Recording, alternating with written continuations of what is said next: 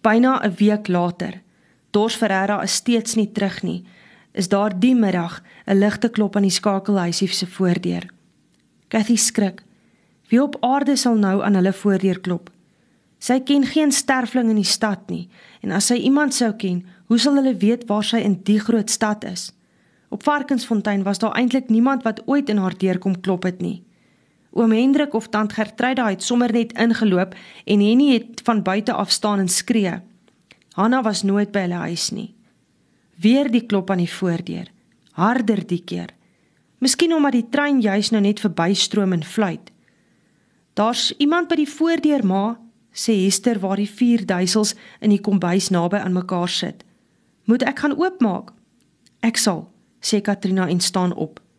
Hulle hoor hoe sy die voordeur oopmaak en met iemand praat. 'n Vrou. Sy praat sag. Beskaafd, sou Tannie Hetta gesê het, dink Cathy.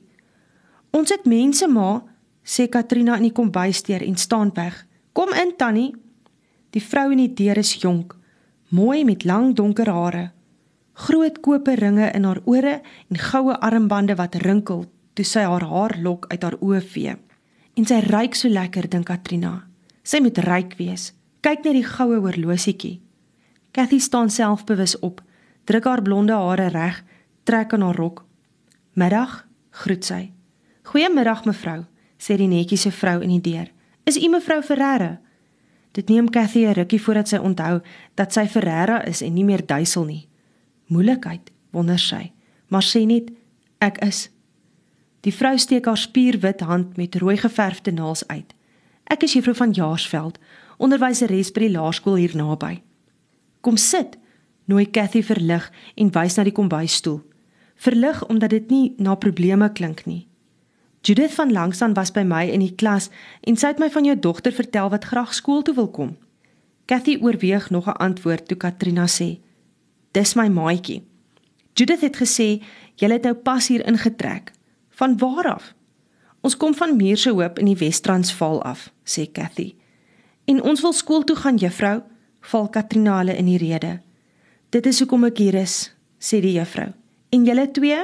vra sy en kyk eers na Hester en toe na Jopie. Hester sal gaan, antwoord Cathy, maar Jopie was nog nie in die skool nie. Watter standaard is jy?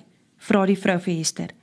Ek moes nou al in standaard 7 gewees het, maar ek was die laaste paar jaar maar min in die skool.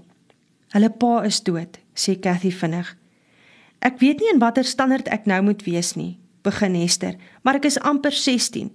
Sy bly stil voordat sy beslis sê: Ek wil gaan werk, ek is moeg gebedel. Jy moet eers klaar leer, sê haar ma. Ons kan rustig daaroor praat, sê die onderwyseres en glimlag.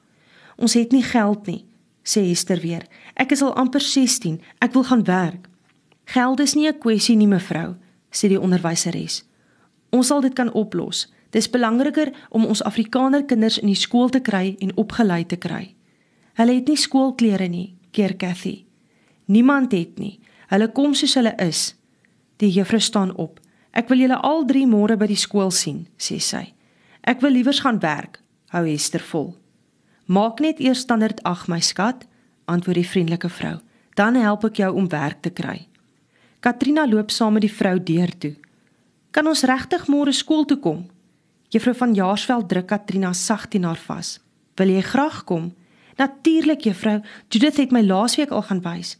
Ek wag vir jou, Katrina. Judith het gesê dit is jou naam. Juffrou het onthou.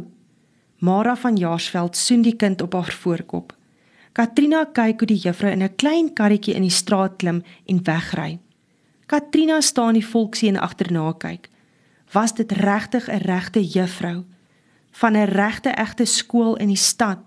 Sy kan dit skaars glo en dan nog so 'n pragtige mens, vriendelik en sy het met hulle gepraat asof hulle ook mense is. Sy's nog ryk ook. Net ryk mense ry met karre. Katrina besluit om met Hester te praat. Alles Hester die oudste, moet sy nie nou net kom sukkel nie. Hulle moet skool toe. Jopie ook. As Hester met nonsens kom, moet sy wat Katrina is dalk ook uit die skool bly. Droomverlore gaan sy op die stoeptrap sit en hoor nie eers toe Judith langs haar praat nie. Toe Judith die tweede keer praat, skrik Katrina uit haar drome wakker. "Is jy verlief?" vra Judith. "Is jy mal?" antwoord Katrina. Ek dink oor die skool. Oor skool dink ek net as ek in die klas is. Judith kom langs Katrina op die trap sit. Ek sien juffrou was al klaar hier. Sy het beloof sy sal kom kennis maak. Ek kan dit nie glo nie, erken Katrina. My ma kom ook nou. Sy wil kom groet. Hier het meer mense in 2 dae by ons kom kuier as in 2 jaar op die plaas. Dit moet 'n goeie plek wees, meen Judith. Ek haat die plaas. Agter Judith sien Katrina die groot vrou die stoep by Judith hulle se trap afsukkel en tot by hulle kom. Judith staan op en uit die pad uit. Dis nou Katrina mamma, stel sy voor. Middag my kind, Judith sê my julle kuier nou hier. Middag tannie, ons bly nou hier. Judith se ma waggel oor die stoep. Jou ma hier? vra sy oor haar skouer, maar sy wag nie op 'n antwoord nie. Stap in asof sy die huis goed ken. Tok tok, groet sy en gaan deur kom bys toe. Kom, ons sit op die stoep, stel Judith voor. As iemand kom wat ek ken, sal ek jou sê wie dit is. Middag, hoor hulle Judith se ma in die kombuis groet. Ek is Judy, Judith van Langsaan se ma. Ek kom net kennis maak. Ek like nie vreemdelinge vir bure nie. Nou kom maak ek kennis. Cathy sien die vreemde vrou in die kombuis deur staan. Groot vrou met 'n verbleikte groen rok wat oor haar heupe span. Dit is 'n ou rok, kan Cathy sien. Oud, maar silwerskoon en netjies haar rooierige hare netjies teen haar kop gekam. Dit onthou Cathy vir 'n oomblik, het Tannie Hetta altyd gesê. 'n Mens kan arm wees, maar jy hoef nie arm te lyk nie. Armoede is omstandighede. Slonsigheid is treurigheid. Judy van Langsaan is netjies en skoon. Sy gaan sit by die kombuistafel. Snak effens na asem asof sy ver moes loop. Ek is Cathy en dis my dogter Hester en dis Jopie, my jongste. Van Katrina het Judith my al vertel, sê Judy joviaal. Sy sê julle kom van die plaas af. Ja mevrou, begin Cathy. 'n Mevrou dra 'n hoed en haar man is die dominee, sê Judy en lag. Judy, sê Cathy, en vir die eerste keer vandat hulle van Varkensfontein af weg is, voel dit of sy effens kan ontspan.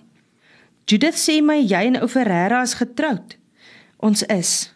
Strongs is al wat die ander vrou sê. Ek sou koffie aangebied het, maar hier is niks in die huis nie. Maak Cathy verskoning. Ek het nie veel nie, maar ek stuur vir jou koffie en suiker oor. Melk, die het ek nie. Die stoof werk ook nie, sê Cathy en dink daaraan dat sy gehoop het sy sal nooit weer verskoning hoef te vra nie. Dors het gesê ek moet net 'n bietjie geduldig wees. Dors, vra Judy. My man, help Cathy. O, Ferreira, lag Judy met haar jes stem en steek 'n sigaret aan. Hy het ons hier na sy huis toe gebring. Sy huis. Judy vra dit snaaks toe sy lag. Sy huis se gat, maar ou Ferreira se bek was van altyd af nog net so glad soos sy hare. Iets warms roer in Cathy, maar sy vra liewer nie verder uit nie. Sy sal wag totdat sy dors self kan vra. Judy kuier lank en rook vier sigarette. Toe sy later loop, sê sy vir Hester om saam te loop en koffie en suiker en brood vir hulle te kom haal. As die armes mekaar nie help nie, sê Judy vir Cathy toe sy uitloop, dan vrede die rykes ons op. Toe is Judy en Judith terug na hulle deel van die skakelhuis toe. Hester was skaars terug met die bietjie voorraad wat Judy haar in die hand gestop het toe die voordeur oopklap. In die kombuis verstyf die vier duisels toe dors in die deur staan. "Yes, yes," Dit gaan lekker as ek nie hier is nie. Asof hy net hier oorkant by die stasie gewag het om te sien of hulle sonder hom kan regkom. "Waar was jy?" vra Cathy. "Gaan kyk of ek nie my ou werk kan terugkry nie." Dors trek 'n nekspier en Cathy wonder hoe die irriterende gewoonte vir haar so oulik kon wees. "Ek het family om te support." "Ons het gewonder wat van oom geword het," sê Hester. "Hou jy jou bek. Ek het nie met jou gepraat nie." Dors wyf met sy linkerhand vir Katrina uit die kombuisstoel waarop sy sit en plak hom op die stoel aan die kop van die tafel neer. Eers toe hy sy plat botteltjie uit sy baadjie sak trek en dit voor hom op die tafel neersit, besef Cathy dat hy beslis nie net buite gewag het om te sien of hulle oorleef nie. "Het jy gedrink?" "Nee, maar ek gaan nou begin." Hy draai die prop van die halfbotteltjie af en neem 'n groot sluk. Niks soos 'n goeie dop as jy agtergekom het jou darling het vir jou gelieg nie. Sy stem het harder geword. Die drie kinders krimp teen hulle ma weg. "Ek verstaan nie," sê Cathy. "Ek sien jy's terug, Ferreira." Hulle skrik. In die deur staan die man met die lang rok en die snaakse hoed wat hulle elke dag op die winkelstoep langs hulle huis sien. Hulle ken hom nie, maar aan Dors se reaksie kan Cathy sien dat Dors die man ken. "Rafat," sê Dors gedienstig. "Ek kom haal die rent, 3 maande se rent wat jy agter is. Ek soek nog werk," sê Dors en draai met dronk konsentrasie stadig die prop op die botteltjie terug. "Jou ou storie," sê Rafat. "Ek gee jou 2 weke kans, dan soek ek 'n nuwe huurder. Ek is moeg met jou gesukkel." Dors grinnik. Oor 2 weke is jy dalk al hier uit. Die regering sê dis nou 'n wit mens plek die. Ons gaan jou op jou gat hier uitskuif lokasie toe. Toe is die man weg en die stilte in die kombuis is byna tasbaar. Is die huis nie joune nie, Dors? vra Cathy. Hou jou bek. As jy die bliksem wil glo, is dit jou probleem. Hy staan op en dit lyk vir Cathy of hy mik om na hulle te slaan. Sy vou die kinders na haar arms toe en sê sag: Ek vra net. Dors gooi die bottel teen die stoof stikkend. Dis jy wat lieg, skree hy. Jy sit met 'n klomp diamonds, dan maak jy of jy 'n armgat is. Hy struikel binne deur toe. Jy kan maar ophou pretend. Ou Henny het my gesê jy sit met ponde se diamante.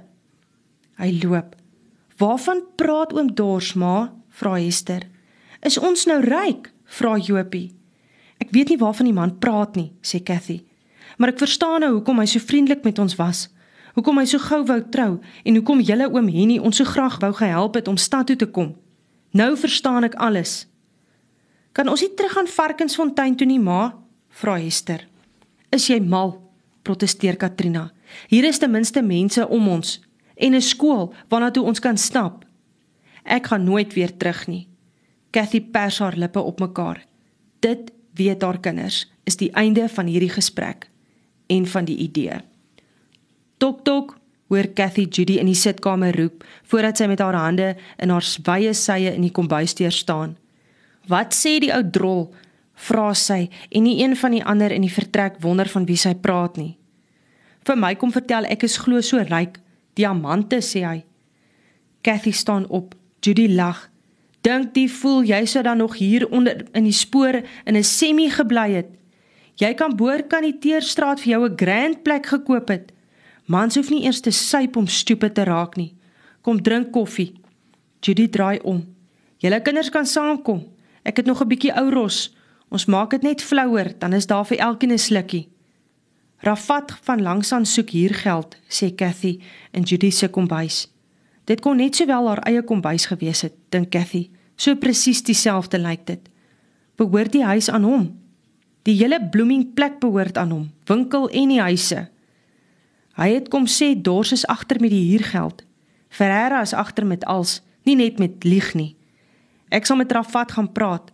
Hy's 'n goeie man. Hy sal luister. Judy skink vir hulle koffie en sit 'n beker voor Cathy neer. Jy kan groceries by Rafat koop. Sê hy moet dit op die boek sit.